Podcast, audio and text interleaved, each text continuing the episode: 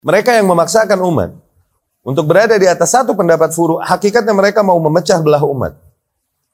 Dari situ mereka memusuhi seorang muslim hamba Allah yang lain. Menggunjing seorang muslim hamba Allah yang lain hanya karena perbedaan perkara furu dan itu zalim. Assalamualaikum warahmatullahi wabarakatuh. Bismillahirrahmanirrahim. Wassalatu wassalamu ala Rasulillah wa ala alihi wa ashabihi wa man wala. Amma ba'd. Akhwat rahimakumullah. Hayyakumullah wa barakallahu fikum. Ha? Alhamdulillah Allah masih berikan kita taufik untuk terus ya hadir di rumahnya dan membahas sebagian dari ayat-ayatnya dan hadis-hadis Rasul yang sallallahu alaihi wasallam. Di antara ikhwah kita yang hujan-hujanan dan angin-anginan, Alhamdulillah, mutirna bifadlillah wa rahmati, sabar. Ya, banyak-banyak beristighfar dan bertaubat, insya Allah itu momen-momen yang dikabulkan. Ya, banyak-banyak berdoa kepada Allah Subhanahu. Karena salut melihatnya, masya Allah, pohon pada roboh, banjir jalanan, tapi pada datang, masya Allah. Barakallahu fikum hakikatnya kalau kita sadari sebenarnya itu berkah juga. Ya. Di hadisnya Anas radhiyallahu anhu di riwayat Imam Muslim, Anas cerita asabana wa nahnu ma'a Rasulillah sallallahu alaihi wasallam matar. Kita satu hari pas lagi sama Rasul sallallahu alaihi wasallam terus hujan turun, hujan. Fahasara Rasulullah sallallahu alaihi wasallam thawbah. Akhirnya Rasul pun sallallahu alaihi wasallam menggulung sebagian bajunya gitu menggulung sebagian bajunya hatta asabahul mator sehingga keujanan. Oke? Okay?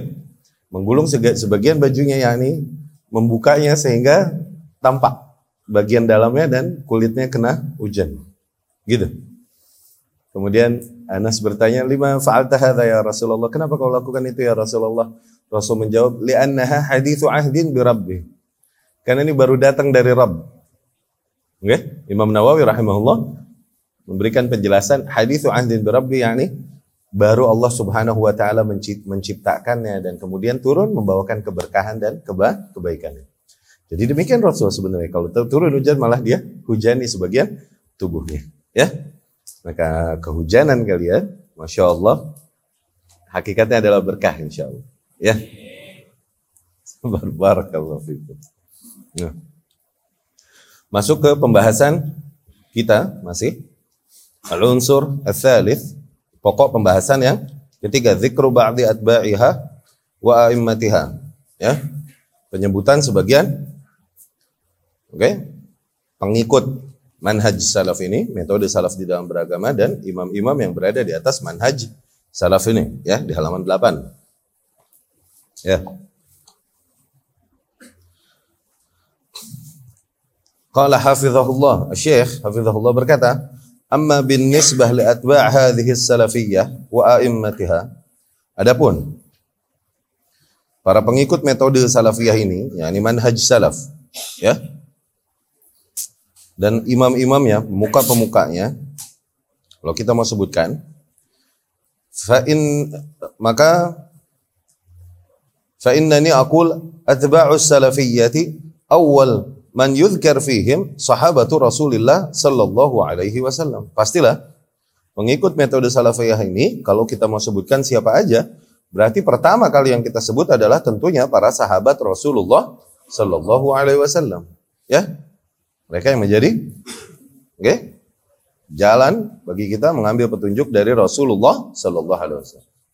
Kemudian tabi'in, tabi'ina lahum bi ihsan. Orang-orang yang mengikuti mereka bi ihsan dengan baik. Min a'immati tabi'in thumma atba'ihim. Kemudian juga imam-imam dari golongan tabi'in, kemudian juga imam dari golongan atba' yakni tabi'ut tabi'in seperti al-a'immah al-arba'ah, imam yang empat yang kita kenal. Abi ka Abi Hanifah, seperti Abu Hanifah, ya. Abu Hanifah rahimahullah, kemudian Malik rahimahullah, wa Syafi'i rahimahullah, wa Ahmad rahimahullah. Ya. Wa Thawri dan juga selain imam yang empat, yaitu al-Imam Ats-Tsauri, yakni Sufyan. Wa ghairuhum min a'immatid din. Dan yang lain-lain juga dari golongan para imam-imam di dalam agama ini. Ya. Al-a'immah al-mashhud lahum bil fadl, yaitu para imam-imam yang dipersaksikan keutamaan mereka. Wa hakadha min ba'dahum man ba'dahum. Demikian juga orang-orang yang datang sepeninggal mereka, wa man ba'dahum juga sepeninggal mereka lagi mimman urifu bi annahum ala tariqat ahli sunnah wal jamaah. Di antara orang-orang yang dikenal bahwasanya mereka berada di atas manhaj ahlu sunnah wal jamaah. Ini berada di atas metode ahlu sunnah wal jamaah di dalam beragama. Wa ala ma kana alaihi Rasul sallallahu alaihi wasallam. Dan berada di atas jalan yang Rasulullah sallallahu alaihi wasallam berada di atasnya wa ashabu demikian juga para sahabatnya. Wa jami'u ahli hadis dan seluruh ahli hadis alladzina syiaruhum yang di mana syiar mereka adalah tariqatu ahli hadis ya metode ahli hadis di dalam beragama hum ahlus sunnah mereka itu ahlus sunnah wahum atba' hadhihi tariqah. Mereka adalah orang-orang yang mengikuti metode beragama ini. At-tariqah as-salafiyah, metode beragama salafisme ini, salafiyah, allati tatamayyaz bihadzal umur ya, allati tatamayyaz bihadzal amr wa huwa bi ittiba'iha manhajis salaf salih. Yang di mana yang membedakan metode ini dengan yang lain adalah dengan ittiba'nya mereka kepada metode salafus saleh di dalam beragama ya kan wa tamassukuha bihi wa akhdhuha bihi dan di mana mereka berpegang teguh kepada metode tersebut dan kemudian mereka memilih metode tersebut di antara metode-metode beragama yang lain. Jadi ikhwati rahimakumullah, ketika berbicara tentang siapa aja yang berada di atas metode ini, hakikatnya mereka para ahlu sunnah dari zaman ke zaman. Ya, para ahlu sunnah dari zaman ke zaman, yang di mana gaya beragama mereka adalah sebagaimana yang datang dari Rasulullah Sallallahu Alaihi Wasallam dan disampaikan oleh para sahabat, maka mereka adalah para ahlu sunnah. Mereka adalah orang-orang yang berada di atas konsep metode beragama ala salafiyah ini. Ya, baik imam baik ter, ter, ter, terutama pertama tentunya pertama adalah para sahabat radhiyallahu anhum yang menjadi patokan kita. Ya? Mereka. Baik dari muhajirin dan ansar. Dan kemudian orang-orang yang datang sepeninggal mereka dan mengikuti konsep atau metode mereka di dalam beragama ya mereka memahami ayat-ayat dan hadis-hadis yang datang dari Rasulullah sallallahu alaihi wasallam hanya sebagaimana para sahabat memahami dan mempraktekannya, nggak lebih, udah. Ya? Dan keridhaan Allah letaknya di situ. Keridhaan Allah letaknya di situ. Allah Subhanahu wa taala berfirman, "As-sabiquna al-awwalun minal muhajirin wal ansar." Para kaum muslimin terdahulu, baik dari golongan muhajirin ataupun ansar, ah, sahabat radhiyallahu anhu.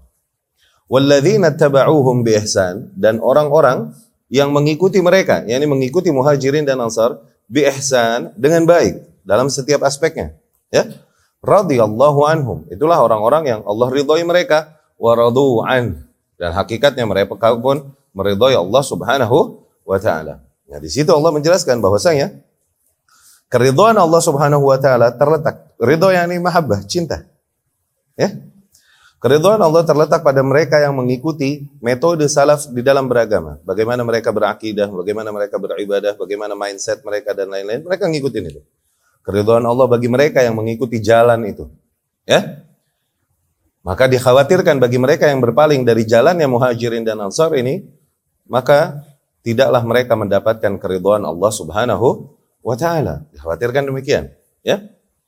Nah, kemudian juga walladzina tabauhum biihsan dan orang-orang yang mengikuti mereka, yakni mengikuti para sahabat radhiyallahu anhum dengan baik. Yani keridhaan Allah tidak hanya terletak pada satu generasi saja, tidak, tapi pada generasi-generasi berikutnya juga.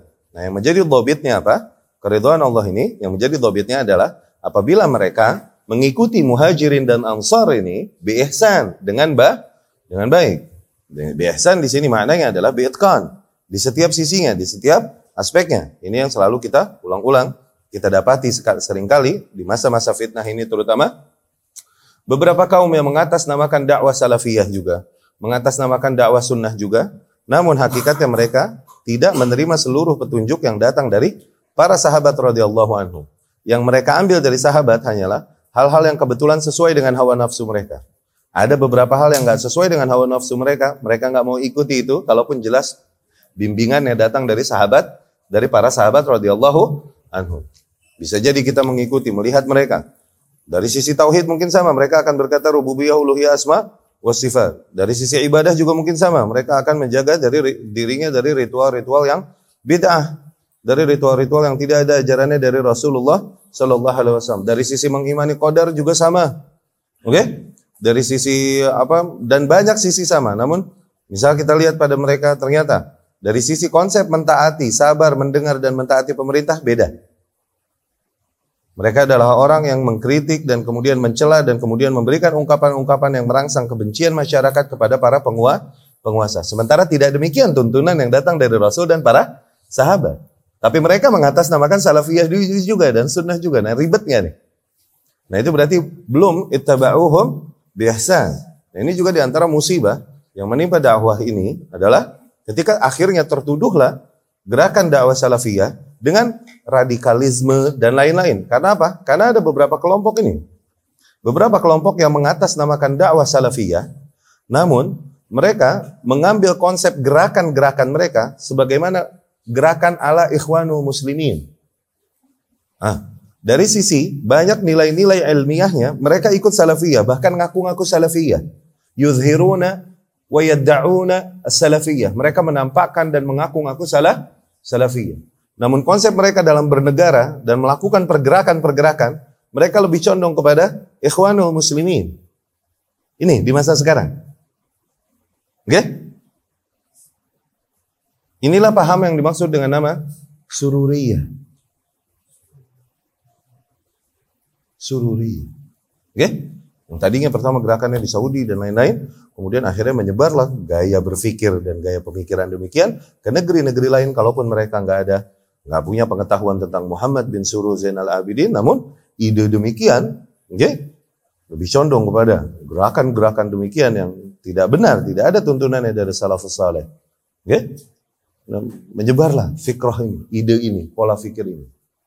Zahir yang salafi mengaku di atas dakwah salah ya, tapi masuk juga ke dalam gerakan-gerakan demikian yang sering kali akhirnya membenturkan para masyarakat satu sama lain, membenturkan satu kelompok kaum muslimin dengan kaum muslimin yang lain. Lebih jauh lagi membenturkan para masyarakat dengan para penguasanya.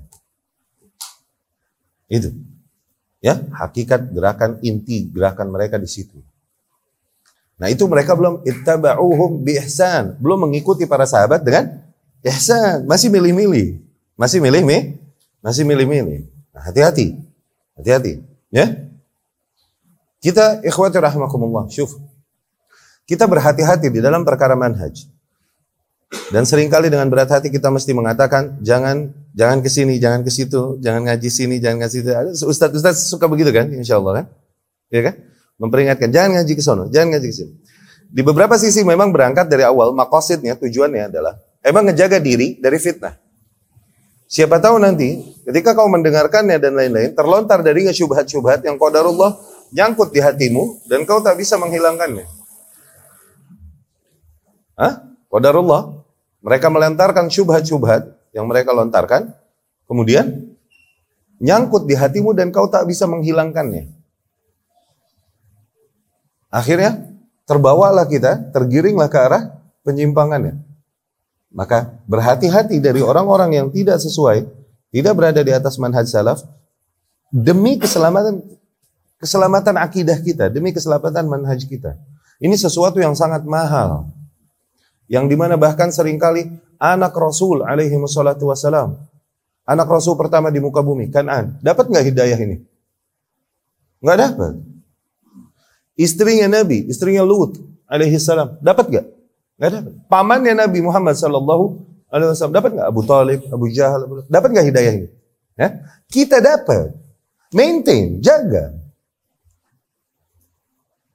Jangan pertaruhkan hidayah ini dengan kau coba duduk mendengarkan ahli syubhat dan ahli bidah. Jangan.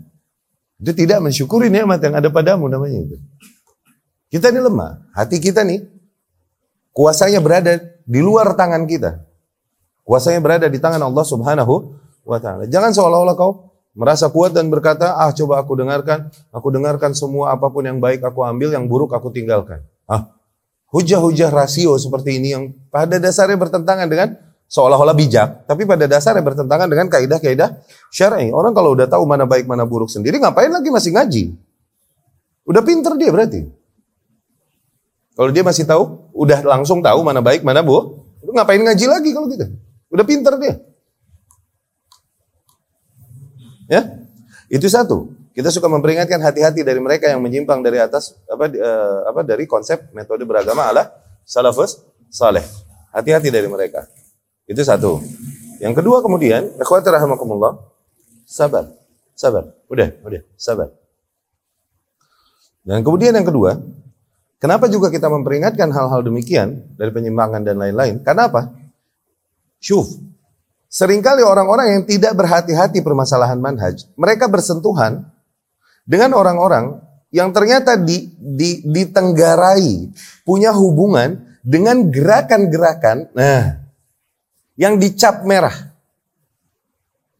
Kita dengan polosnya berkata, ah sama-sama dakwah dan gabung sama mereka, duduk sama mereka, nempel sama mereka.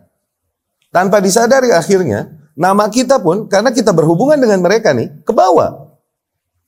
Ke bawah gitu. Nama kita pun tercatat akhirnya. Tanpa kita sadari.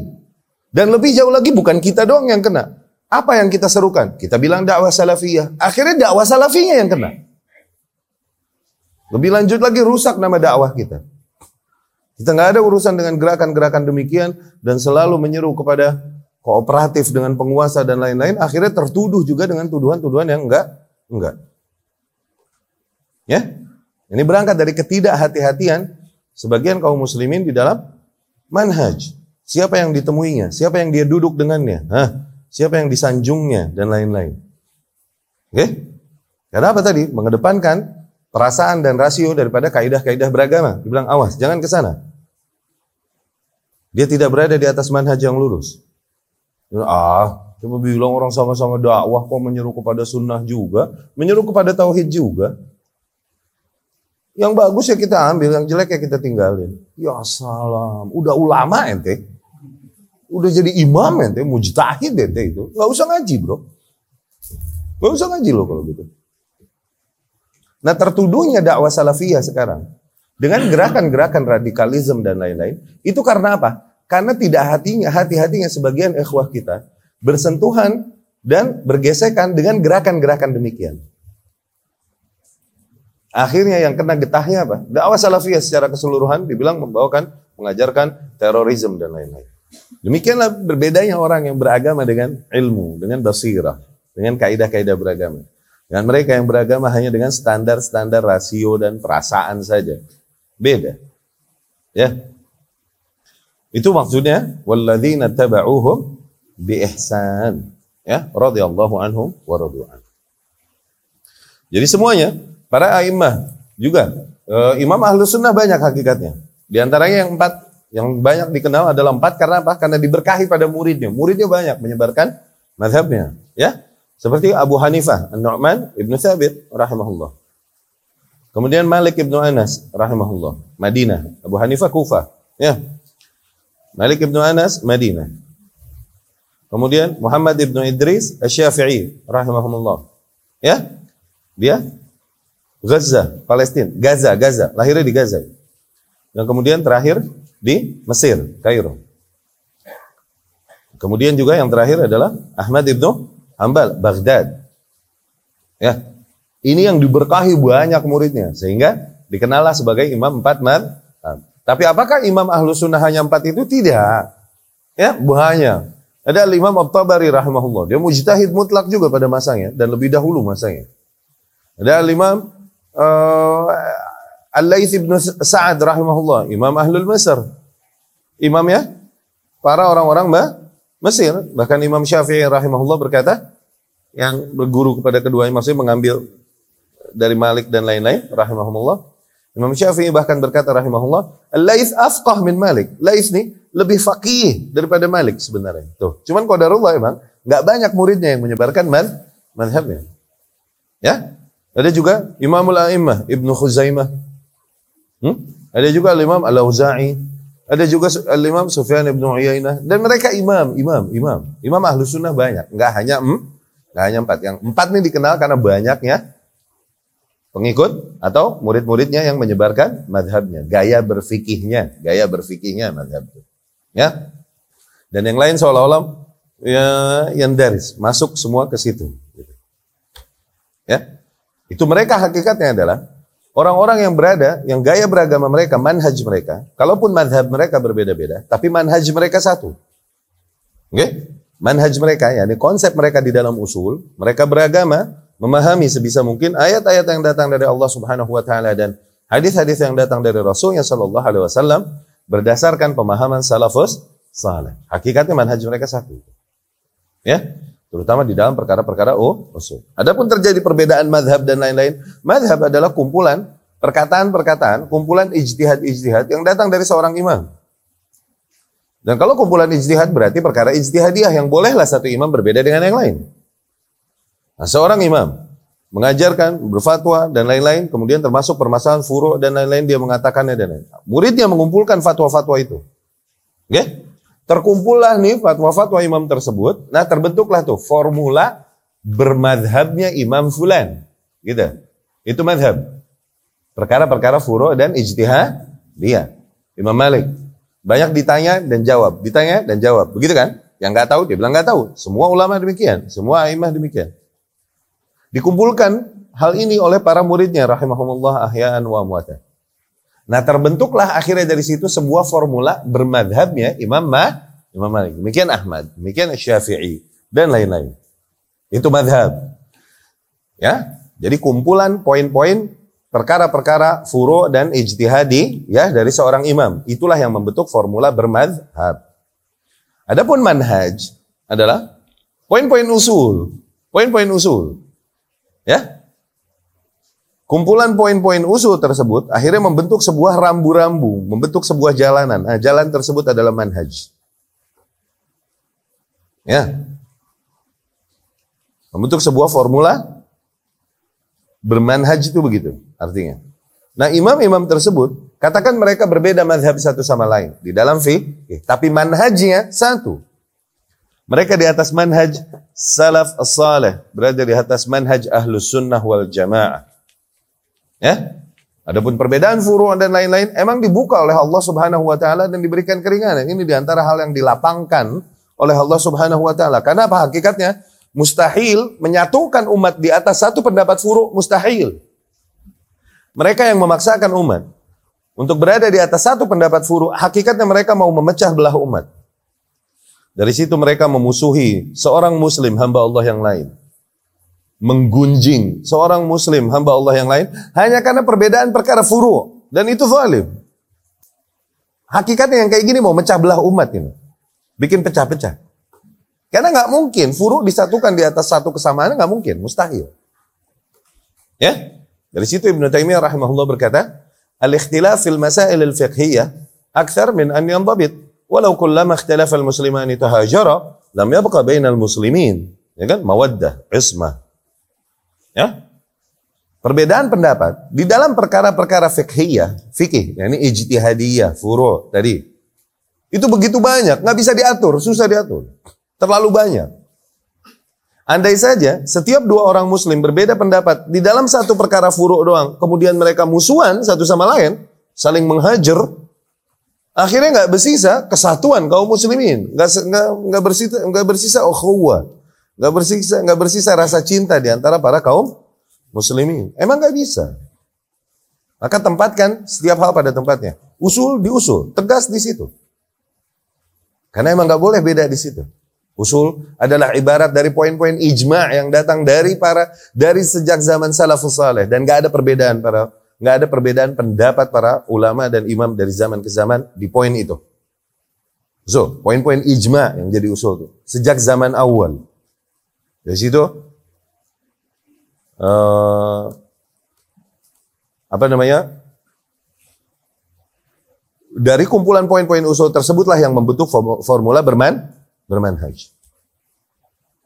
Ya. Furu taruh di tempatnya furu, jangan ditaruh di tempat usul sehingga kau mengingkari, menggunjing seorang muslim. Bahkan sebagian menggunjing gurunya sendiri.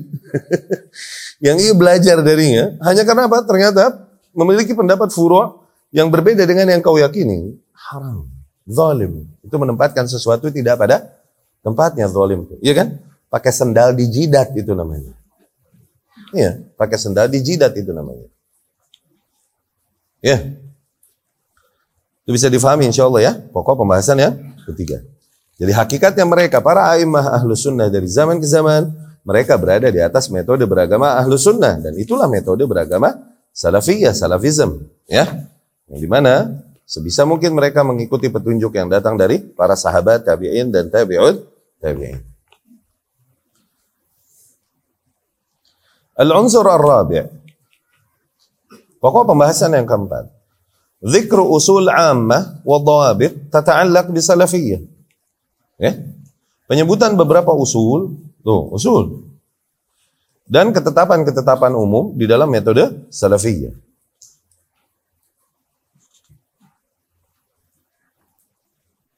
Ya. Ikhwati rahimakumullah, usul jamak dari kalimat asal. Jamak dari kalimat asal. Maknanya adalah kalau diibaratkan pada pohon, maka asal adalah pangkal. Pangkalnya. Ya. Kalau diibaratkan pada bangunan, maka asal adalah pondasinya. Ya, itu usul. Jamaah ya, usul. Ya. Adapun usul, ketika dimaksud di dalam syariat adalah perkara-perkara yang emang sejak zaman awal demikian udah. Tidak ada dan tidak boleh ada perbedaan pendapat di situ. Perbedaan pendapat di situ adalah bentuk penyimpangan dan kesesatan. Usul ini merupakan nilai-nilai yang tadi kita katakan ijma disepakati sejak zaman awal. Ya.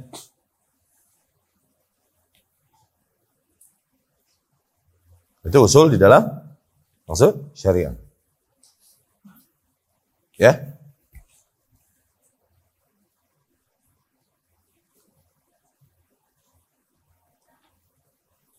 Usul juga sebagaimana ditarif, diberikan definisinya oleh para ulama biasanya ma yang bani alaihi ghairuhu. Ma yang bani alaihi ghairuhu. Sesuatu yang di mana hal-hal lain dibangun di atasnya. Sesuatu yang di mana hal-hal lain dibangun di atasnya. Itu pondasi beragama yang harusnya kita kuat dan kita kokohkan sebelah situ. Poin-poin usul ini. Ya. Lawan kata usul adalah furu'. Jama' dari kalimat fara'. Ya. Fara' secara bahasa kalau diibaratkan di pohon, maka yang bukan pangkal ya fara'. Ya, cabang.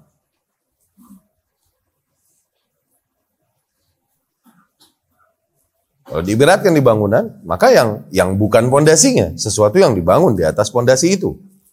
Itu furu' masuknya. Ya.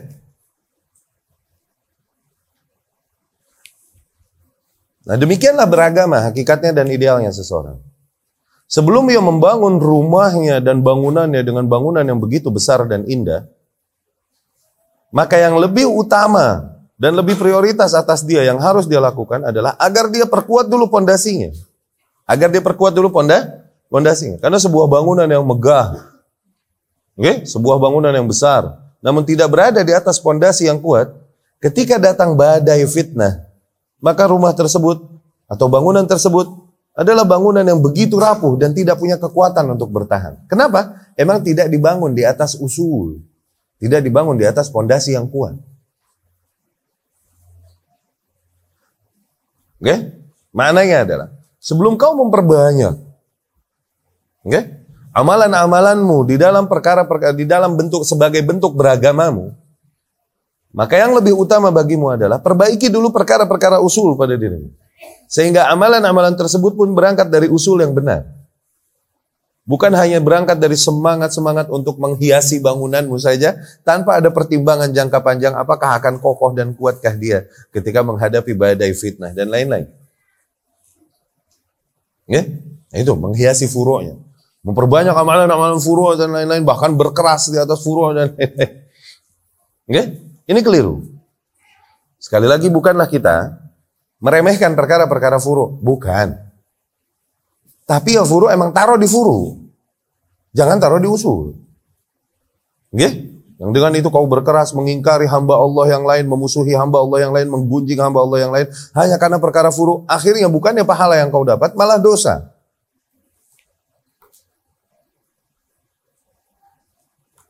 Ya?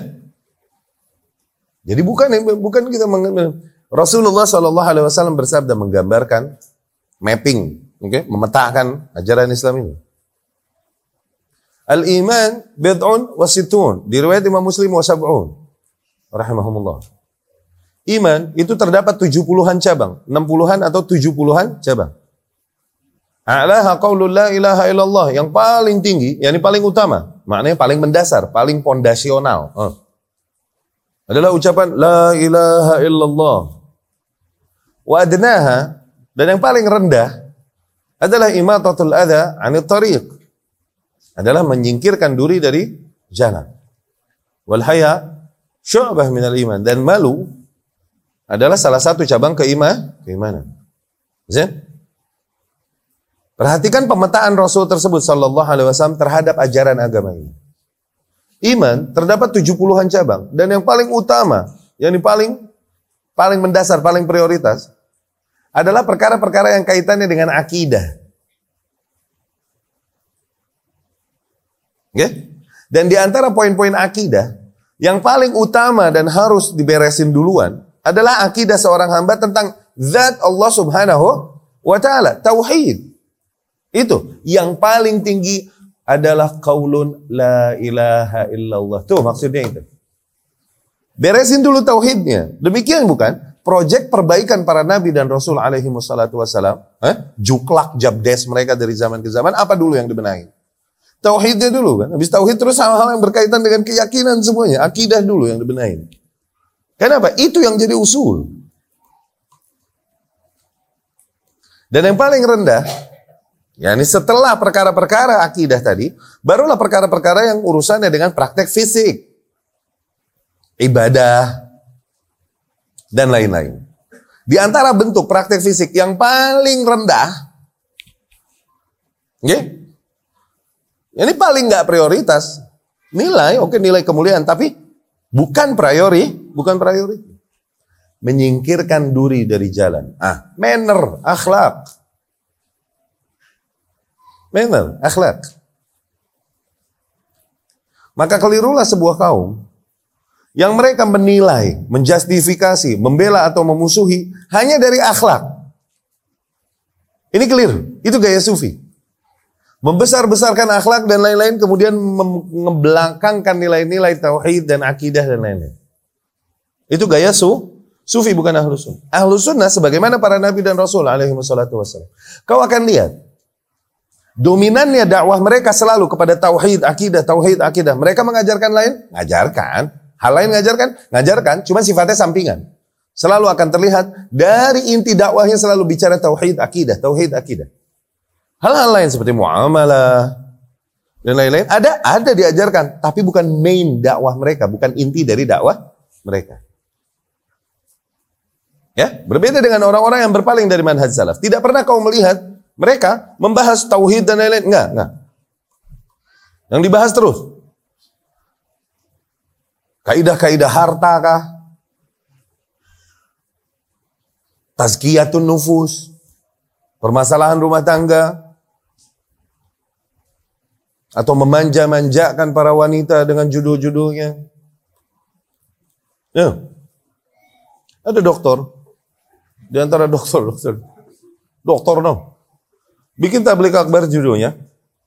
Menjandakan istri, menolong janda. Eh, menolong janda dan menjandakan istri. Dokter no, judulnya begitu biar Roma Irama aja deh yang kayak gitu. Dokter. Nggak pernah masih come on dokter, we need something more. Kita betul sesuatu yang penelitian ilmiah gitu loh. Coba-coba yang kita awam nih, oke, okay? nggak bisa ngelihat. Ente kan dokter, bisa ngelihat ah, bagi kita. Begitu kayak gitu loh. Ada. Duo serigala. Begitu nah judul taklimnya. Judul taklimnya begitu, itu judul taklim itu. Dua serigala nah.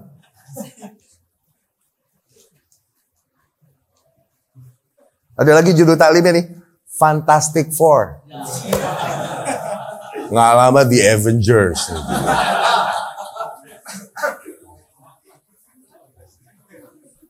Salafinya sebelah mana?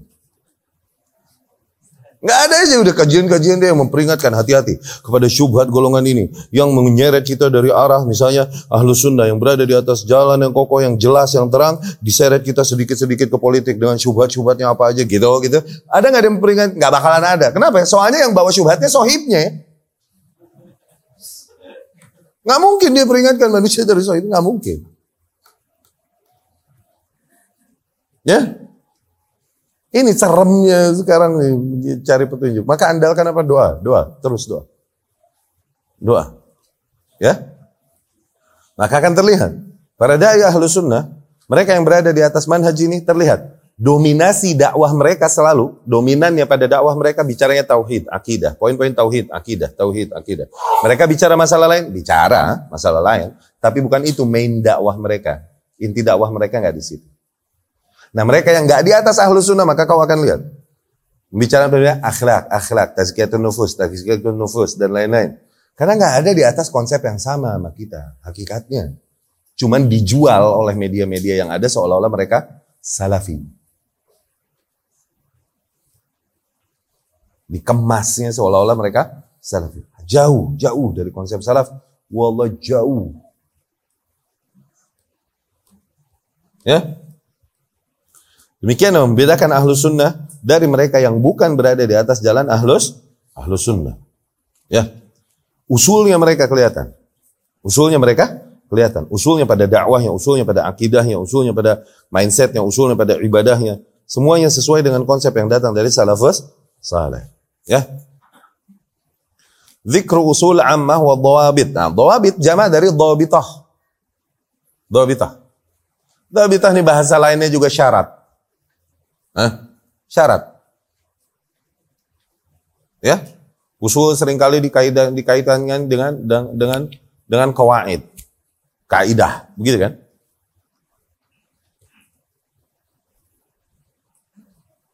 Dhawabit. Ini hal-hal yang nggak boleh nggak terpenuhi. Hal-hal yang nggak boleh nggak terpenuhi. Harus terpa, harus terpenuhi. Yang berkaitan dengan salafism, yang berkaitan dengan pemahaman salafiyah. Ya. فأقول أول هذه الأصول عند السلفية أنهم يعتقدون أن الدين يقوم على أصلين. Maka aku katakan usul yang pertama yang diyakini kaum salafiyah ya yang ditekankan oleh pemahaman ini, mereka meyakini bahwasanya agama ini berdiri di atas dua pondasi tuh. Dua kaidah, dua pondasi. Yang pertama al-aslul awal alla na'budu illallah agar kita tidak memberikan bentuk-bentuk ibadah kita kecuali hanya kepada Allah. Yang kedua, wal aslu tsani alla na'budu Allah illa bima syara'. Yang kedua agar agar tidak kita beribadah kepada Allah kecuali dengan apa yang disyariatkan oleh Allah. yakni dengan cara yang diajarkan oleh Allah Subhanahu wa taala melalui rasulnya sallallahu alaihi wasallam. Fahum ya'taqiduna anna dina yaqumu ala hadzainil aslain. Maka para ahlu sunnah, para salafiyun meyakini bahwasanya agama dibangun di atas dua pondasi ini. Wahuma dan dua hal tersebut hakikatnya adalah makna la ilaha illallah dan Muhammadar Rasulullah. Makna dari syahadat tauhid, la ilaha illallah, maknanya adalah la na'budu illallah. Agar tidak kita beribadah kecuali hanya kepada Allah. Yani tidak kita menyerahkan bentuk-bentuk ibadah kita kepada siapa pun kecuali hanya kepada Allah. Wa asyhadu anna Muhammad Rasulullah dan bahwasanya aku bersaksi bahwa Muhammad adalah Rasulullah maknanya la nattabi' wa la sabila lana bi akhdhid din illa bima ja'ana ar-rasul sallallahu alaihi wasallam. Maknanya adalah aku berikrar, sungguh aku tak akan mengambil jalan ya di dalam agama ini yakni jalan untuk mendekatkan diri kepada Allah Subhanahu wa taala kecuali jalan yang dibawakan oleh Rasulullah sallallahu alaihi wasallam khatamul anbiya merupakan penutup para nabi wal mursalin dan rasul alaihi salatu wassalam. Maka demikianlah pondasi yang awal adalah penekanan pada la ilaha illallah yaitu tauhid dan kemudian pada Muhammadar Rasulullah yaitu ittiba ya di dalam la ilaha illallah di situ terhadap terdapat makna tauhidullah pengesaan Allah Subhanahu wa taala sebagai satu-satunya zat yang disembah ya yang diyakini memiliki seluruh kuasanya atas alam semesta dan memiliki asma dan sifat-sifatnya. Ya. Dan di dalam Muhammad Rasulullah di situ terdapat tauhidur Rasul, pengesaan Rasul sallallahu alaihi wasallam. Di dalam apa? Di dalam ittiba. Dalam rangka mendekatkan diri kepada Allah Subhanahu wa taala. Ya. Hanya melalui jalannya lah kita mendekatkan diri kepada Allah Subhanahu wa taala hanya melalui jalan yang dibawakannya ya. Hadzal aslul awal 'inda salafiyyin wa hadzal aslul awal yanbani fihi 'indahum la masdara lahum litalaqi illa an tariqil wahyi. Fahum laysu kasufiyah yaqulun haddathani qalbi an rabbi. Ah. nah demikianlah usul yang pertama di ahlus sunnah ya di mana sumber kita mengambil petunjuk adalah dari wahyu dari kitabullah dan dari keterangan yang datang dari Rasulullah sallallahu alaihi wasallam dan itu adalah wahyu ya berbeda dengan kelompok-kelompok lain yang mengambil petunjuknya dari hal-hal yang sifatnya selain wahyu seperti kaum sufiyah di mana mereka berkata sufiyah mereka berkata nih haddatsani qalbi an rabbi telah berkata kepadaku hatiku dari Tuhanku uh. Keren enggak? Allah ya. Haddatsani qalbi an rabbi. Oh. Telah berkata kepadaku hatiku dari Rabbku. Fa inna ba'd as-sufiyyah yu'ayyir ahla sunnah wal jamaah yaqul ilmukum mayyit an mayyit. Oh. Sebagian golongan sufiyah bahkan mencela-cela ahlu sunnah wal jamaah. Mereka bilang ilmu kalian nih ahlu sunnah itu kalian ambil dari mayit dari orang yang mayit, ya ini dari orang mati orang mati. Yani an an an udah meninggal kan? Iya kan? Udah meninggalkan orang ya? Ya kan? Nah kalian yang ambil ilmu kalian dari orang mati, dari orang mati, dari orang mati. Begitu kan?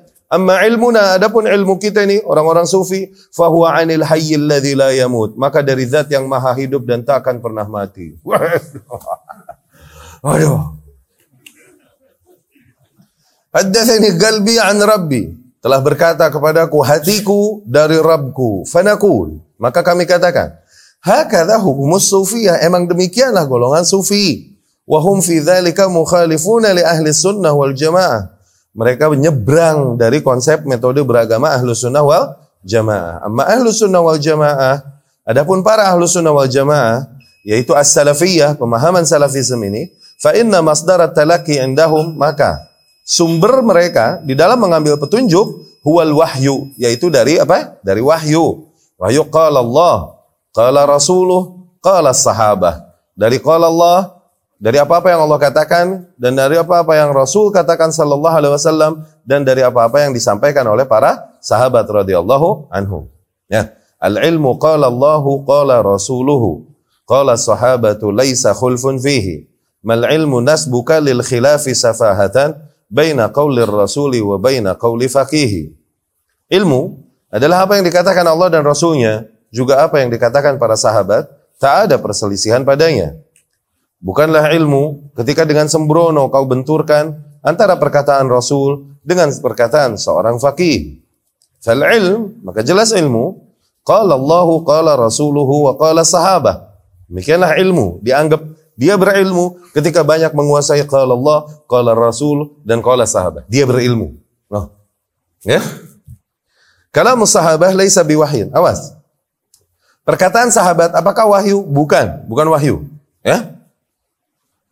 Walakin lamma syahadul wahya. Namun ketika mereka menyaksikan hadir turunnya wahyu wa fahimu kalam Rasul sallallahu alaihi wasallam dan mereka memahami perkataan Rasulullah sallallahu alaihi wasallam wa syahidu mulabasatil hawadith dan mereka banyak menyaksikan kisah-kisah atau kasus-kasus yang melatar belakangi turunnya wahyu tersebut, nggih, asbabun nuzul maksudnya, ya.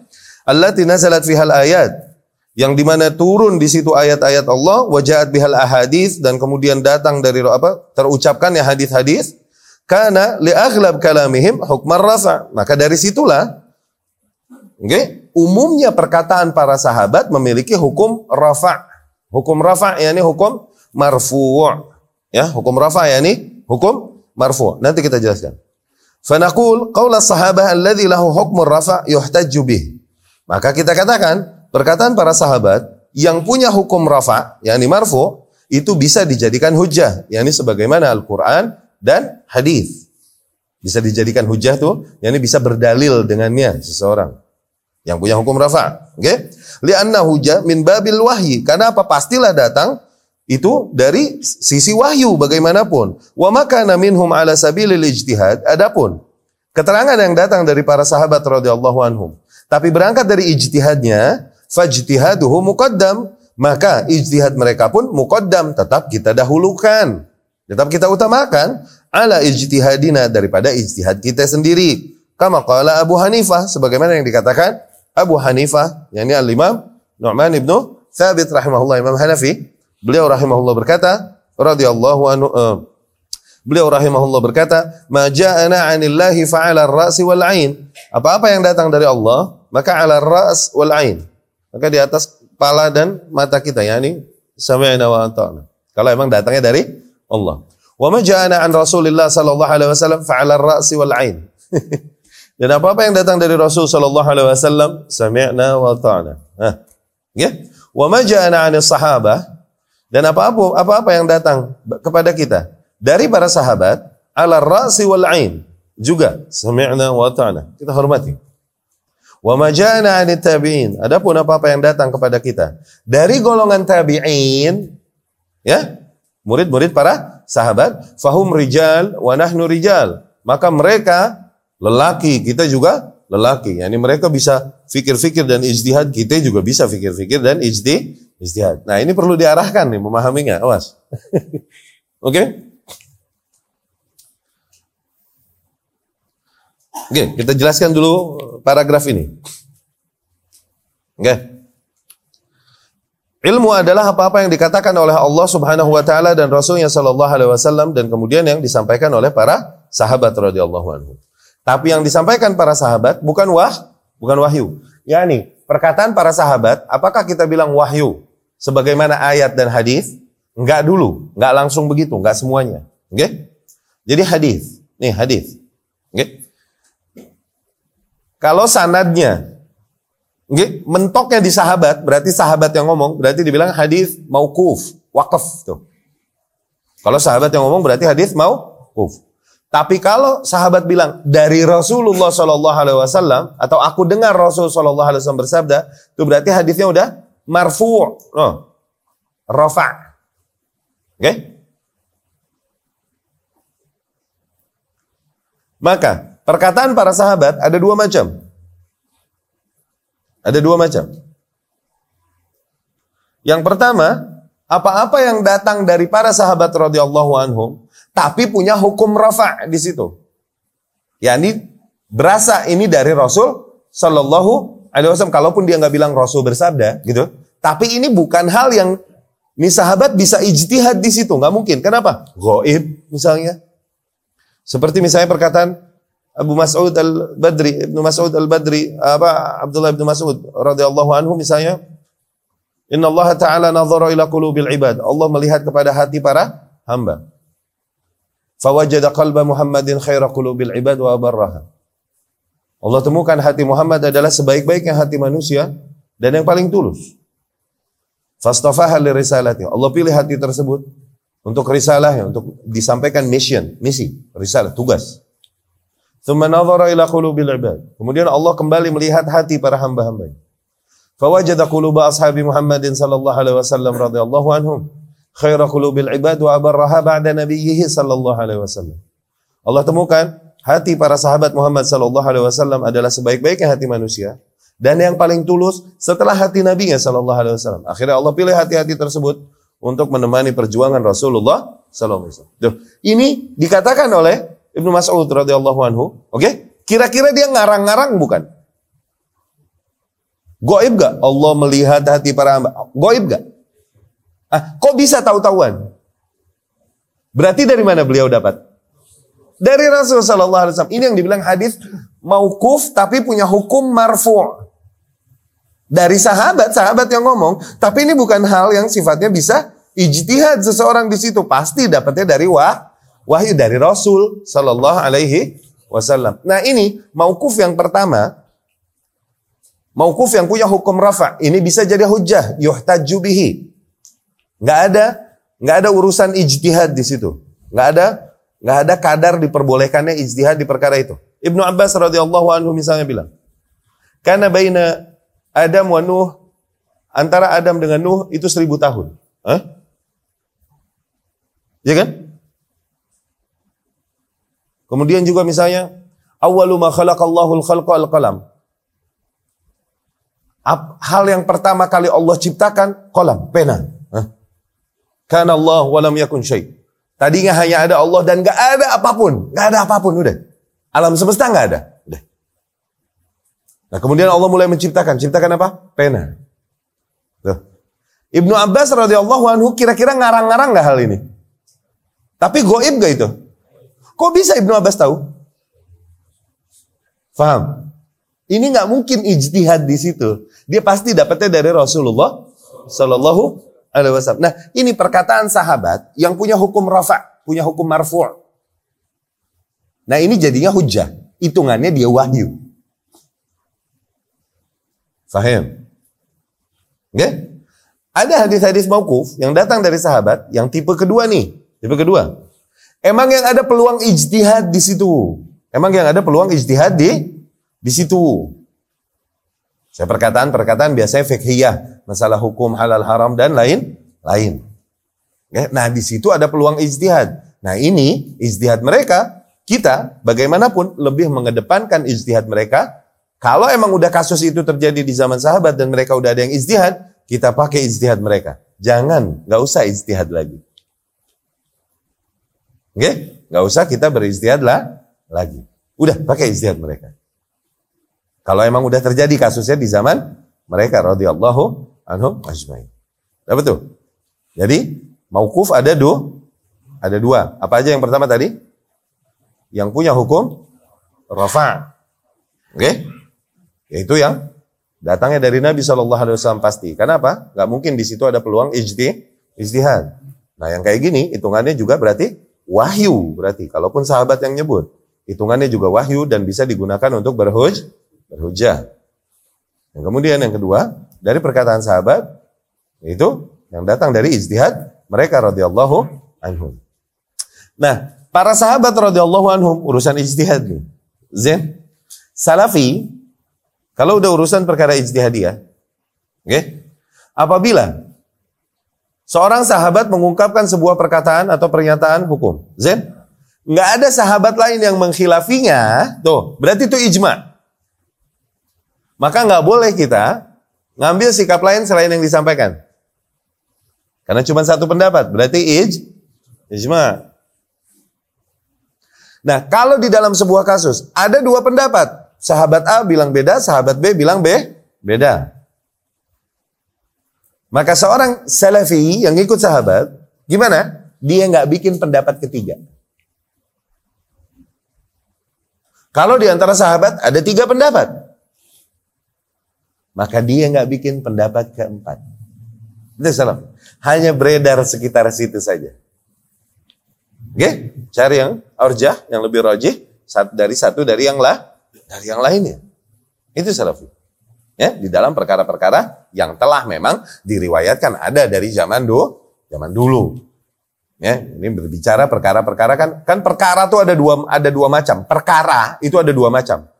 Macam yang pertama adalah apa-apa yang emang udah ada dari zaman sahabat radhiyallahu anhum udah terjadi, zaman tabi'in udah terjadi. Oke? Nah di dalam hal itu maka kita jangan nyebutin sesuatu kecuali cari contoh dari mereka. Radhiyallahu anhum ajmain rahimahumullah. Dah dari tabi'in, dah dari tabi'un tabi'in. Karena udah terjadi juga di, di zaman mereka. mereka. Ini perkara-perkara yang tipe perta, pertama. Ada perkara-perkara yang tipe kedua.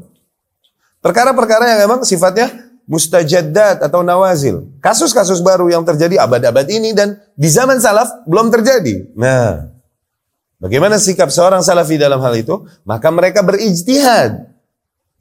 Mereka berijtihad di dalam hal-hal demikian, mengikuti kaidah-kaidah ijtihadnya yang datang dari salafus saleh tuh. Istilahnya kita udah punya kail dari salafus saleh. So, cari ikan deh, tuh. Gitu. Kaidah-kaidah yang berlaku memang. Enggak bikin-bikin kaidah-kaidah sendiri. Ya? Kemudian, itu bisa udah kita pahami ya. Maksudnya rafa' tadi apa?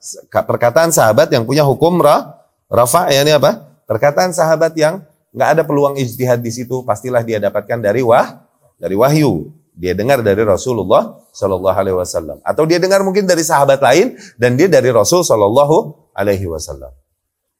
Ya.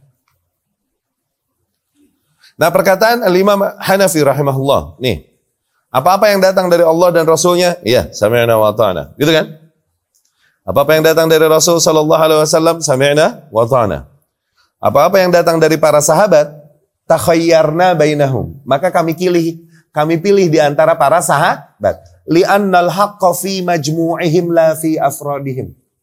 Dikarenakan hak itu ada pada mereka secara keseluruhan. Bukan ada pada per individunya. Taklid sama sahabat boleh nggak? Sama seorang sahabat nggak boleh. Karena bisa jadi nih seorang nggak tahu yang diketahui yang lain. Gitu kan?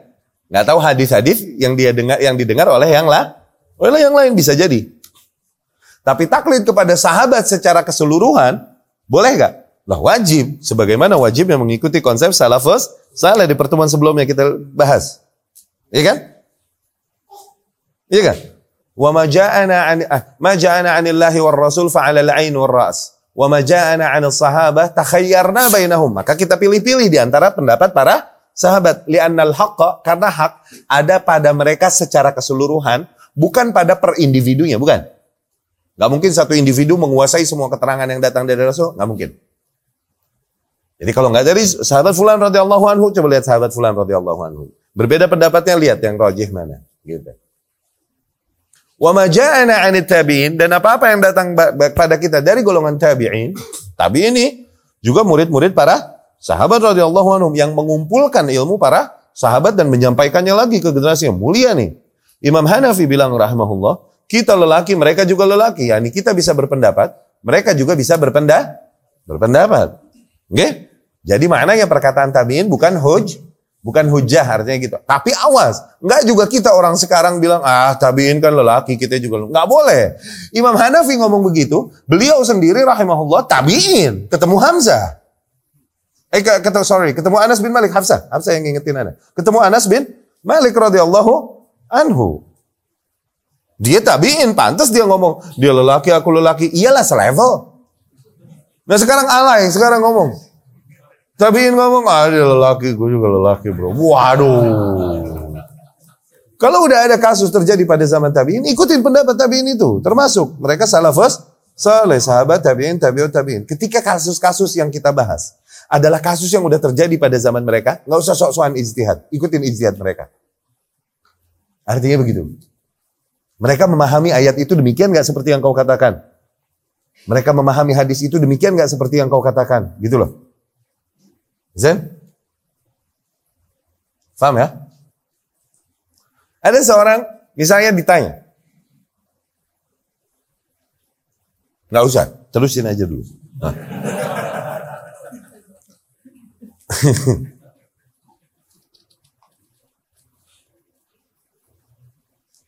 Misal, misal nih kasus-kasus di antara zilal ya, di antara zilah-zilah kepleset-keplesetnya ulah ulama rahimahumullah ahyaan wa mata. Mereka imam-imam secara umum mereka sesuai dengan uh, berada di atas konsep ahlus sunnah dan mereka imam ahlus sunnah kita mengakui dan kita mengikrarkan itu. Huh? Tapi manusia ada kepleset-keplesetnya. Oke? Okay? Untuk menjelaskan rumusan kita tadi, kita sebutkan ini. Oke? Okay? Untuk ibrah. Misalnya Al-Imam Syaukani rahimahullah. Ah, imam ahlu sunnah, imam ahlu sunnah. Dan dia adalah orang yang sangat bersemangat dalam berijtihad. Dan benar-benar independen dari madhab dan lain-lain. Oke? Okay? Dia mengikuti ayat-ayat, hadis-hadis, dan kemudian pendapat para sahabat dan lain-lain. Dia ikuti. Oke? Okay? Cuman akhirnya dia menyebutkan, di antara fatwa yang dia sampaikan adalah, terus kepleset, di situ zillah, rahimahullah. Lirrajul ayyankih, seorang lelaki boleh menikahi lebih dari empat wanita. Seribu wanita boleh. Poligami lebih dari.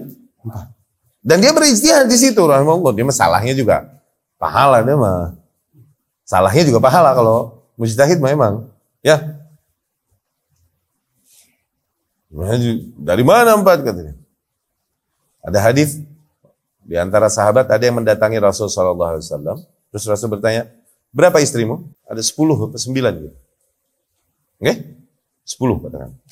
Rasul berkata, talik setan. Talak enam. Tahan empat. Oke? Tapi ini hadis ternyata doif. Betul emang doif. Secara sanad doif. Secara sanad doif emang. Ya benar hadis doif nggak bisa berujar. Benar sih Imam Syaukani di situ benar. Emang doif. Tapi kan Allah berfirman, "Fankihu ma lakum minan nisa mathna wa thulatha wa ruba'." Nikahilah wanita-wanita yang kalian condong padanya dua, tiga, atau empat. Imam Syaukani bilang, berapa banyak angka disebutkan, tidak dimaksudkan pembatasan. Ciri munafik ada tiga. Cuman tiga? Are you sure? Tujuh golongan yang dinaungi Allah. Yaumala illa dhillu. Pada hari tiada naungan kecuali naungan. Emang cuma tujuh? Benar juga nggak? Benar juga. Oh iya ya. Nah, kita ngeluruskan pendapat ini caranya gimana? Oke, poligami. Kasus yang ada nggak di zaman salaf, tabiin, tabiun, tabiin? Ada nggak? Ada nggak di antara mereka yang pernah bilang bahwasanya lelaki boleh lebih menikahi dari empat? Nggak ada. Tuh, itu dengan itu kita bantah dia. Dapat nggak? Enak nggak? Dia bisa berdalil dengan Al-Quran hadis jagonya. Al-Quran dia punya tafsir. Hadis dia ahli riwayat. Berarti dengan kaidah ini, kalau memang yang kau katakan benar, pasti ada sahabat, ada tabiin yang ngomong duluan begini nih. Kenapa? Poligami kasus yang ada dari zaman dulu. Bukan baru sekarang. Dapat gak? Eh? Enak ya? Terang gak? Ini konsep terang gak? Hah? Ini metode beragama ini jelas gak? Terang gak? Ini yang dibentorok tukum alal baydo. Aku tinggalkan kalian di atas sesuatu yang putih, yakni sesuatu yang clear. Saking terangnya lailuha kana hariha. Malamnya kayak siangnya. Tuh. La yazighu anha ba'di illa halik. Tidaklah menyimpang dari hal itu seorang pun sepeninggalku kecuali pasti fix celaka dia.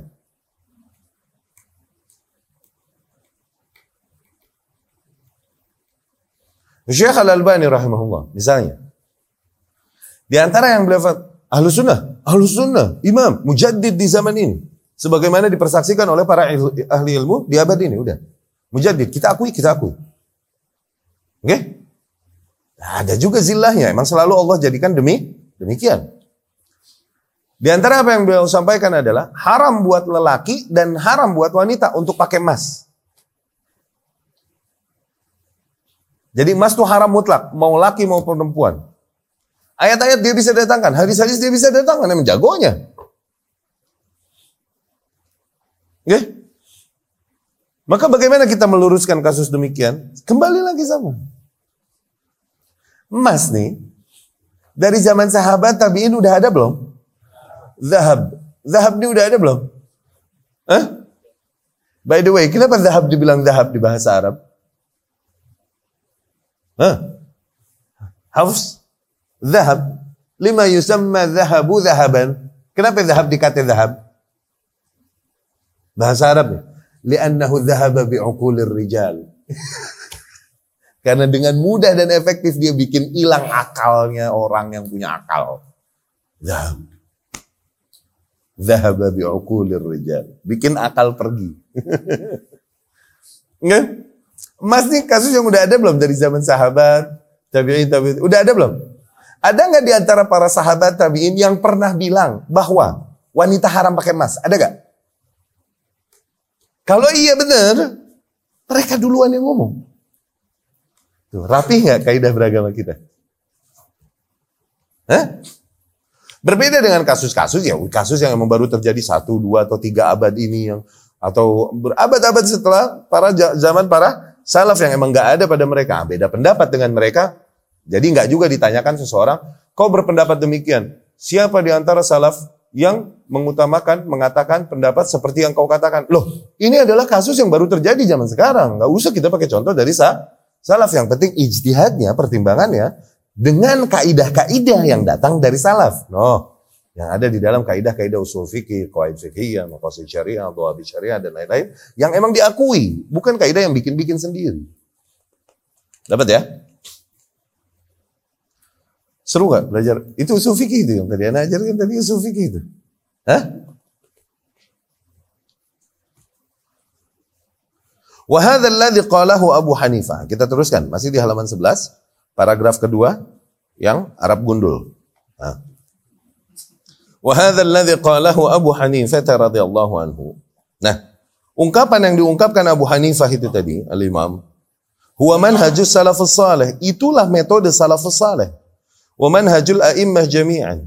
Dan manhajnya seluruh imam, a'immatid Imam-imam agama ini. Seperti Imam Malik, Imam Syafi'i, Imam Ahmad, Imam Al-Thawri, Imam Auza'i, Imam Ibnu Uyainah dan lain-lain min a'immatis salafiyah. Di antara imam-imam salafiyah ya imam-imam ahlus sunnah. Wa a'immatid din aydan yatarattab ala hadzal asl anna al bid'ata madhmumatun. Nah dan dari kaidah ini juga dapat kita simpulkan bahwasanya sesuatu yang baru-baru nggak ada keterangannya dari Rasul nggak ada dari sahabat tabiin itu mazmumah tercela berarti. Ya, karena kita hanya beribadah kepada Allah dan hanya kita beribadah kepada Allah dengan apa yang disyariatkan melalui Muhammad sallallahu alaihi wasallam. Tuh, berarti dari sini kita bisa tangkap bahwasanya sesuatu yang dianggap ini bentuk beragama oleh manusia. Padahal nggak ada keterangan yang dari Rasul sallallahu alaihi wasallam. Ini yang dibilang bid, bid'ah, muhdatsat. Maka hal demikian mazmumah, tercela indahum, ya. Bahwasanya bid'ah itu adalah perkara yang tercela bagi para imam-imam ahlus sunnah tersebut. Nah, wa muharabatun dan itu adalah perkara yang diperangi oleh mereka. Lianna sabil ila ma'rifatid din lianna lian la sabila ya liannahu la sabila tuh tambahin ha enak liannahu la sabila ila ma'rifatid dini illa bittiba'i ma jaa 'anir rasul sallallahu alaihi wasallam dikarenakan Tak ada jalan lain untuk memahami agama kecuali dengan cara beritiba kepada keterangan yang datang dari Rasulullah sallallahu alaihi wasallam. Faman khalafa ma alaihi Rasul sallallahu alaihi wasallam, maka barang siapa yang menyelisihi jalan yang Rasul sallallahu alaihi wasallam berada di atasnya faqad khalafa hadzal asl, maka ia telah menyelisihi eh, usul besar ini. Walidzalik tajidus salafiyyin yuhadzirun minal wuku' fil bidah. Maka dari situ kau akan temukan para salafiyyin. Ah, kalau dibilang salafiyun berarti apanya? Orang-orangnya. Kalau dibilang salafiyah pemahamannya. Oke? Okay? Kalau dibilang salafi orangnya satu orang. No. Kalau banyak salafiyun atau salafiyyin. Maka dari situ kau akan lihat para orang-orang salafi, nah, yuhadzirun senantiasa mereka memperingatkan minal wuku' fil bid'ah. Senantiasa mereka memperingatkan manusia dari bid'ah-bid'ah wa yuhadzirun min ahliha dan memperingatkan para manusia dari para ahli-ahli bid'ah wa yahjurunahum wa yabta'iduna anhum. Mereka mengembargo para ahli bid'ah menghajar. Ya? Dan menjauh dari mereka. Wa yuhadziruna minhum dan memperingatkan para manusia dari mereka, dari para ahli bid'ah. Walidzalika tariqatus salafiyah mabniyah ala hadzal asal. Dari situ metode salafisme ini dibangun di atas asal ini, dibangun di atas pondasi besar ini. Allah na'budu illallah wa la na'budallaha illa bima syara. Yaitu agar kita tidak beribadah kecuali hanya pada Allah dan agar kita tidak beribadah kecuali dengan apa yang Allah syariatkan wa syiaruhum al-ittiba' lal ibtida'. Dan syiar ahlu sunnah ittiba', ittiba', jangan beribtida', berbid'ah. Beribtida' ya ini berbid. Nah, kita berittiba' aja jangan berbid'ah, berittiba' aja jangan berbid'ah. Selalu syiar kita. Wa kullu khairin fi ittiba'i man salaf wa kullu syarrin fi ibtida'i man khalaf. Ah, seluruh kebaikan ada pada mengikuti siapa yang berada pada generasi awal Sedangkan seluruh keburukan ada pada apa yang diinovasikan oleh generasi-generasi belakangan. Khalaf. Ya. Wa rajulun ilal Imam Malik. Seseorang datang kepada Imam Malik rahimahullah. Yani Syekh di sini mau menggambarkan betapa mindset para imam-imam ahlu sunnah, madhabnya apa pun, sama demikian. Oke? Okay? Mereka menjaga kemurnian sunnah sebisa mungkin dan memperingatkan manusia dari praktek bid'ah dan dari para ahli bid'ah. Seseorang datang kepada Imam Malik rahimahullah waqal dan dia berkata, "Ya Imam, wahai Imam, urid an uhrim lil umrah minal Madinah. Aku mau pakai pakaian ihram buat umrah tapi mau pakainya dari Madinah." Faqala Imam Malik, maka Imam Malik pun berkata, Ahrama Rasulullah sallallahu alaihi wasallam min Dzil Hulaifah. Rasul dulu sallallahu alaihi wasallam dari Madinah, mulai ihramnya itu dari Dzil Hulaifah, enggak dari Madinah. Ya, tapi dari Dzil Hulaifah ini miqatnya ahli Madinah. Wa anta idza ahramta minal Madinah, adapun engkau apabila mulai berihramnya dari Madinah, tuh lebih jauh lagi daripada Madinah, akhsya alaikal fitnah, aku khawatir kau akan tertimpa fitnah. Summa tala qaulahu ta'ala, nah, jadi ceritanya begini.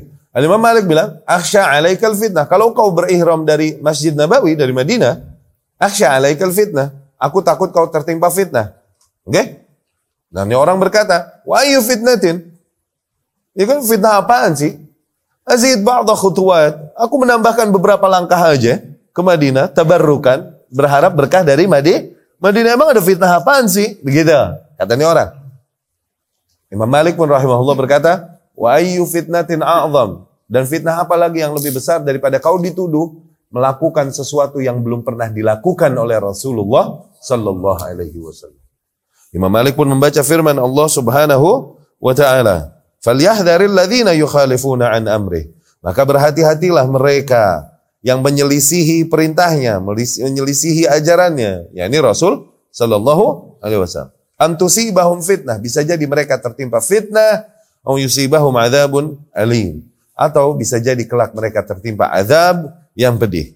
Hakadha salafiyun. Ah, demikianlah para orang-orang salafi. Kalamuhum ayah wa hadis. Perkataan mereka senantiasa ayat dan hadis wattiba lima kana alaihi salafus salih dan selalu mengikuti kaidah-kaidah yang di mana para salafus saleh berada di di atasnya. Begitu, salam salafi. Ya. Jadi, tidaklah kita mempertimbangkan sesuatu, ibadah dan lain-lain, dengan perasaan kita, oh berarti kalau dari sini aja pahala yang besar, apalagi kalau kita mundur lagi tuh. Ini perasaan dan akal. Nggak begitu. Nggak begitu. Agama harus dengan ngikutin contoh yang datang dari Allah dan dari Rasul Sallallahu Alaihi Wasallam. Atisha rajulun jambab Umar. Seseorang bangkis bersin di samping Ibnu Umar. Ini riwayat dari Nafi'. Ya, maulanya Ibnu Umar. Ada seseorang bersin di samping Ibnu Umar. Hajim. Tuh, begitu. Bisa hujanan kali, naik motor dia. Ya, ngaji. Ati rajulun jambab Ibnu Umar. Seseorang bersin di samping Ibnu Umar. Kemudian dia berkata, habis bersin dia bilang, Alhamdulillah, wassalatu wassalamu ala rasulillah. Begitu. Oke? Okay? Ibnu Umar kaget. Lihat, nah, ya, riwayat-riwayat demikian, menggambarkan mindset para sahabat di dalam menjaga ibadah, menjaga agama, supaya enggak nggak kena inovasi-inovasi, supaya terjaga kemurniannya. Ada kultum mislama kult. Aku mengatakan yang seperti kau katakan juga nih, ya nih kalau bersin alhamdulillah. Ini sometimes juga ada salawat dan lain-lain. Kalau mau salawat ya salawat. Walakin laisa hakadha 'allamana Rasul sallallahu alaihi wasallam. Tapi enggak begini yang Rasul ajarkan pada kita nih. Kalau bersin. Innama 'allamana. Adapun yang hanya yang diajarkan kepada kita nih kalau idza atisna kalau kita bersin annakul agar kita berkata alhamdulillah. Begitu. Lihat, diperbaiki nggak langsung mindsetnya sama sahabat. Yang ini tabi'in berarti, berarti tabi'in kan nih, murid sahabat ya. Mungkin awalnya dia melihat yang namanya salawat baik. Ya enggak? Mulia gak? Mulia. Dari situ setelah habis hacim, habis bangkis, kemudian dia menyebut alhamdulillah, ditambahkan salawat karena menurut dia hasanah, why not? Ya enggak? Ini mindsetnya. Tapi diarahkan nggak mindsetnya oleh Ibnu Umar radhiyallahu nggak begitu. Contoh yang datang nggak begitu. Maknanya apa? Solawat mulia gak? Mulia, tapi tempatkan pada tempatnya, nggak habis bersin. Solawat ketika mendengar nama Rasul Shallallahu Alaihi Wasallam disebut, menyebut nama Rasul Shallallahu Alaihi Wasallam, solawat oke, okay. okay? Atau dizikir uh, zikir-zikir yang di, di, disunahkan oleh Rasul Shallallahu Alaihi Wasallam di situ ada salawat 10 kali, ah oke. Okay. Tapi habis bersin nggak ada di situ salawat. Yang ada justru tahmid, alhamdulillah, alhamdulillah, iya kan? Mananya nggak semua hal yang kita lihat seolah-olah hasanah langsung boleh dilakukan. Ketika nggak ada contohnya demikian, maka jangan. Oke? Okay? Ya ini Al-Baqarah mulia gak? Mulia kenapa nggak habis bersin Al-Baqarah?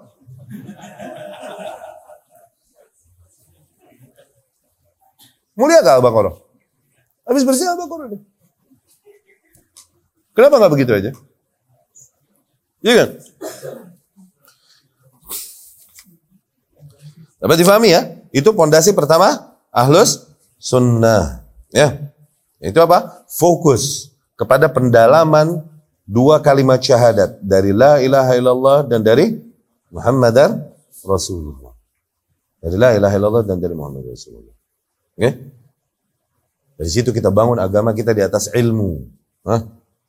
Yaitu keterangan yang datang dari Allah Subhanahu wa taala dan dari Rasulnya sallallahu alaihi wasallam dan apa-apa yang datang dari para sahabat radhiyallahu anhum yang ditangkap dari Rasul sallallahu alaihi wasallam. Yang punya hukum rafa. Ya.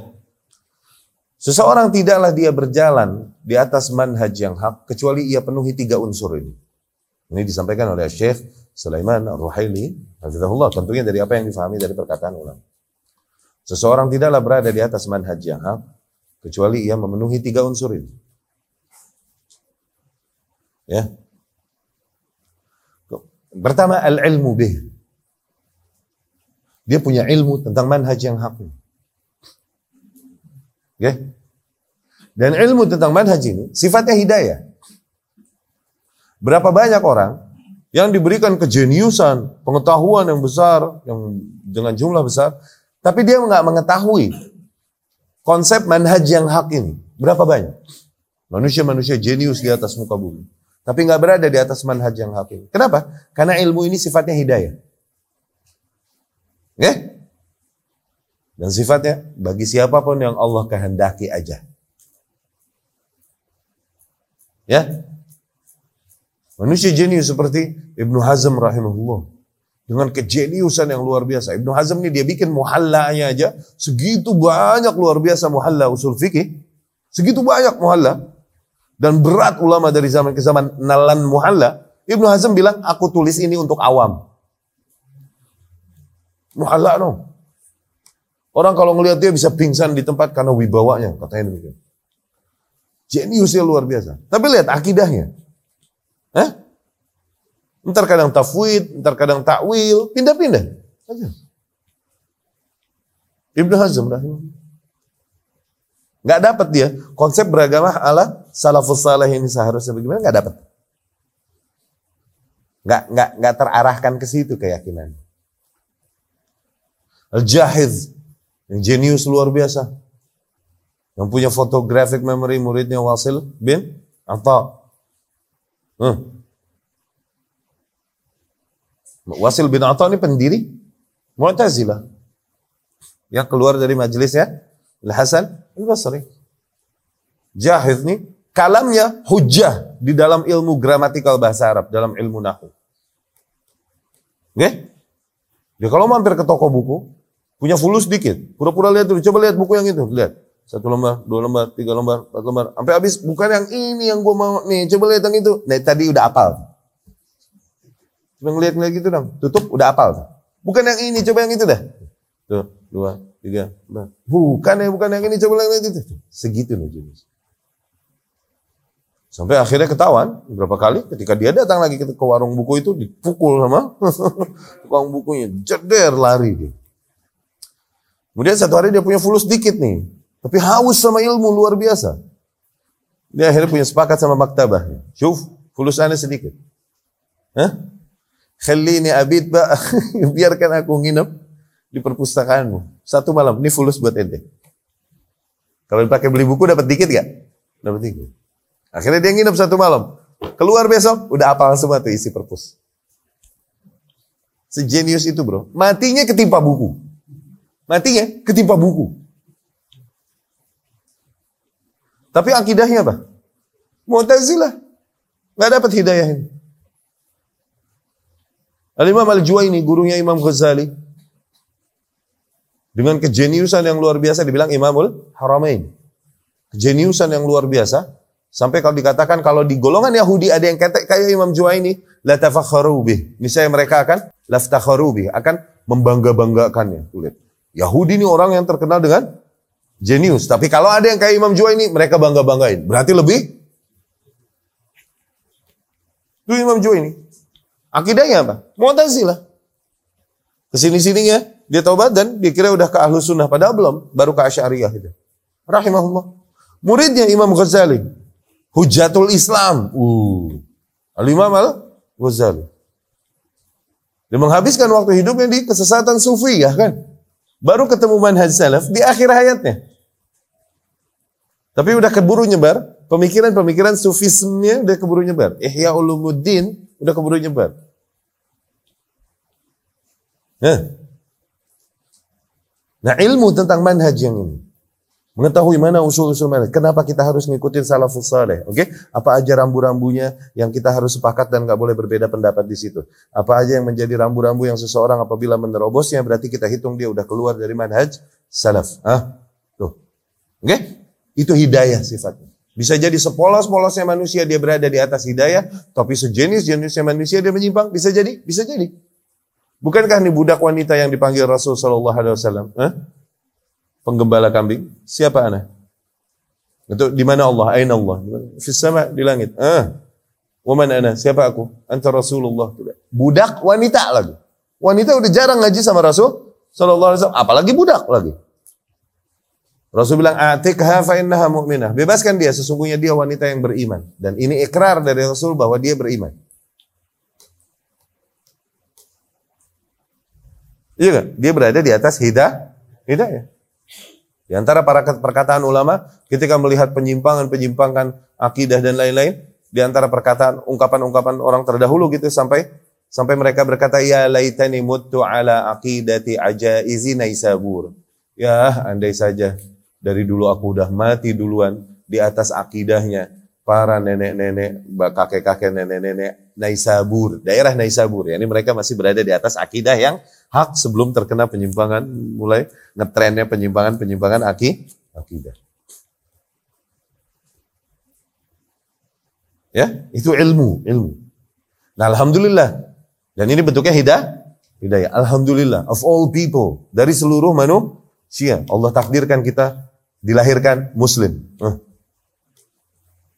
atau kenal agama Islam syahadat at least. Alhamdulillah dari seluruh kaum muslimin eh kita jadi satu golongan itu yang mengenal hidayah manhaj ini hak ini. Alhamdulillah gak? Ah hidayah iya spesial itu. Maka jangan kau sia-siakan, jangan kau pertaruhkan dengan datang duduk mendengarkan ahli syubhat dan ahli bid'ah. Hanya karena apa? Hanya karena pembawaannya, tampangnya, atau materi-materi yang dibawa, dibawakannya sesuai dengan hawa nafsumu. Jangan. Ya?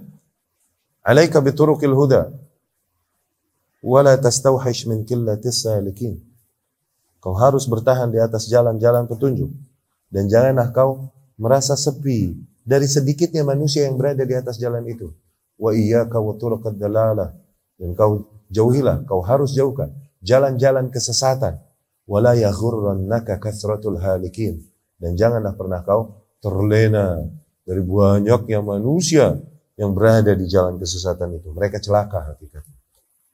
Jadi jangan kau mempertaruhkan akidah, manhaj yang ada padamu dengan menghadiri orang-orang yang terlihat kajian banyak ramai luar biasa tuh dia. Jangan, bukan itu yang menjadi patokan hak bukan di situ. Hargai nikmat itu dari Allah Subhanahu wa taala. Itu unsur bermanhaj yang pertama. Apa tadi? Ilmu bih. Yang kedua, suluk. Suluk yakni kita mulai menempuh jalan tersebut. Setelah kita mengetahui jalan itu, mulailah kita harus menempuh jalan itu. Maknanya menerapkan ilmu yang tadi kita fahami. Ilmu manhaj tadi kita harus terapkan mulai di dalam kehidupan sportif, disiplin. Nah, tadi kita bilang, berapa banyak manusia jenius? Mereka jenius tapi nggak mengenal manhaj yang hak. Nah ini lebih ter, tersaring lagi nih. Banyak manusia udah mengenal manhaj yang hak. Tapi disuruh berjalan di situ nggak bisa dia berat. Kenapa? Bertentangan dengan hawa nafsunya, bertentangan dengan kepentingannya dan keuntungannya. Lemah dia untuk menerapkan manhaj itu. Di antara nilai-nilai manhaj, bahwa kau harus menegaskan seseorang yang menyimpang dari usul akidah halusnya memang dia menyimpang. Peringatkan manusia darinya. Setelah didirikan hujah dan kemudian dia membangkang, tambah tegaskan. Cuman ternyata yang menyimpang nih sohibnya. Satu alma mater, satu pabrik. Diem dia darinya. Tuh, nggak mau suluk dia. Dia udah tahu manhaj. Dia udah belajar. Tapi nggak mau menerapkan nilai-nilai manhaj. Tuh, itu suluk. Oke? Menempuh jalan manhaj itu. Maknanya apa? Mulai terapkan nilai-nilai yang kita dapat di hidayah tadi, di ilmu tadi. Tuh. Disiplin di situ. Seringkali lemah. Manusia dari apa? Dari ikatan-ikatan hati dan emosional. Kalau aku ingkari, nanti hilang akhirnya fasilitas yang kumiliki selama ini, ke, ke, kenikmatan duniawi yang aku dapatkan selama ini apabila aku ingkari orang tersebut atau para mereka yang mengikutinya dan kesalahannya. Tuh, Akhirnya diam. Manusia lemah di hadapan itu lemah manusia. Nah semua orang siap dimusuhi. Ya? Dari seluruh manusia kita dapat hidayah ini. Alhamdulillah. Terpilih nggak? Tersaring. Dari seluruh yang mengenal ilmu ini, Alhamdulillah Allah dapat berikan kita taufik untuk menempuh jalan ini. Alhamdulillah. Untuk suluk, untuk mulai follow the path. Follow the path, suluk. Terapkan tadi nilai-nilai tadi dalam kehidupan. Jangan tawar-tawar. Hal-hal yang udah terang-terang, nggak usah bikin burem. Ya, Terpilih lagi manusia, mereka sebagian udah mengenal ilmu, udah mengenal hak, namun di dalam penerapannya nggak bisa. Kenapa? Karena tadi ikatan emosional, ikatan hati yang udah keburu kebentuk. Ya, berat gak? Yang terakhir, unsur terakhir. As-sabatu alaih. Sabat, firm, hold on. Bertahan di atasnya, teguh, tegar di atasnya. Jangan gue ya. Banyak di antara mereka yang udah faham manhaj, udah kenal akidah dan lain-lain. Dan udah mulai juga mulai menerapkan dan lain-lain. Tapi goyang. Kenapa? Menghadapi ujian-ujian yang dihadapi pahit. Gak sabar dia. Akhirnya bukan hanya futur, bahkan lebih jauh lagi, intikas. Futur ini cuma turun semangat aja. Itu futur. Dan itu wajar. Tapi intikas hada jungsab. Intikas ini U-turn bro. Putar balik ente. Karena pahitnya berada di atas jalan hak ini. Ujian-ujian yang terjadi.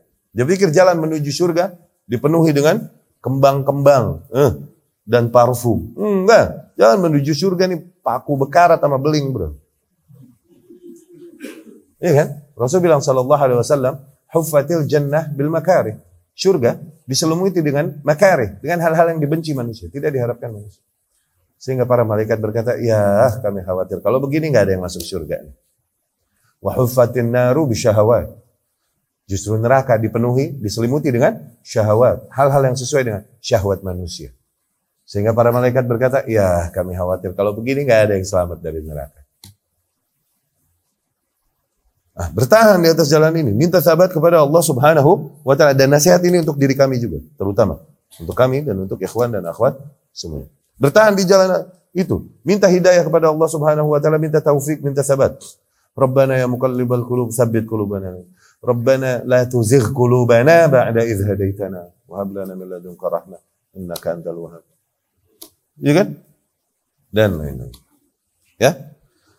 Tapi alhamdulillah pertemuan yang kedua kita masuk eh pertemuan berikutnya kita masuk ke susu berikutnya. Berarti ketemu lagi kita di hari Kamis insya Allah ya.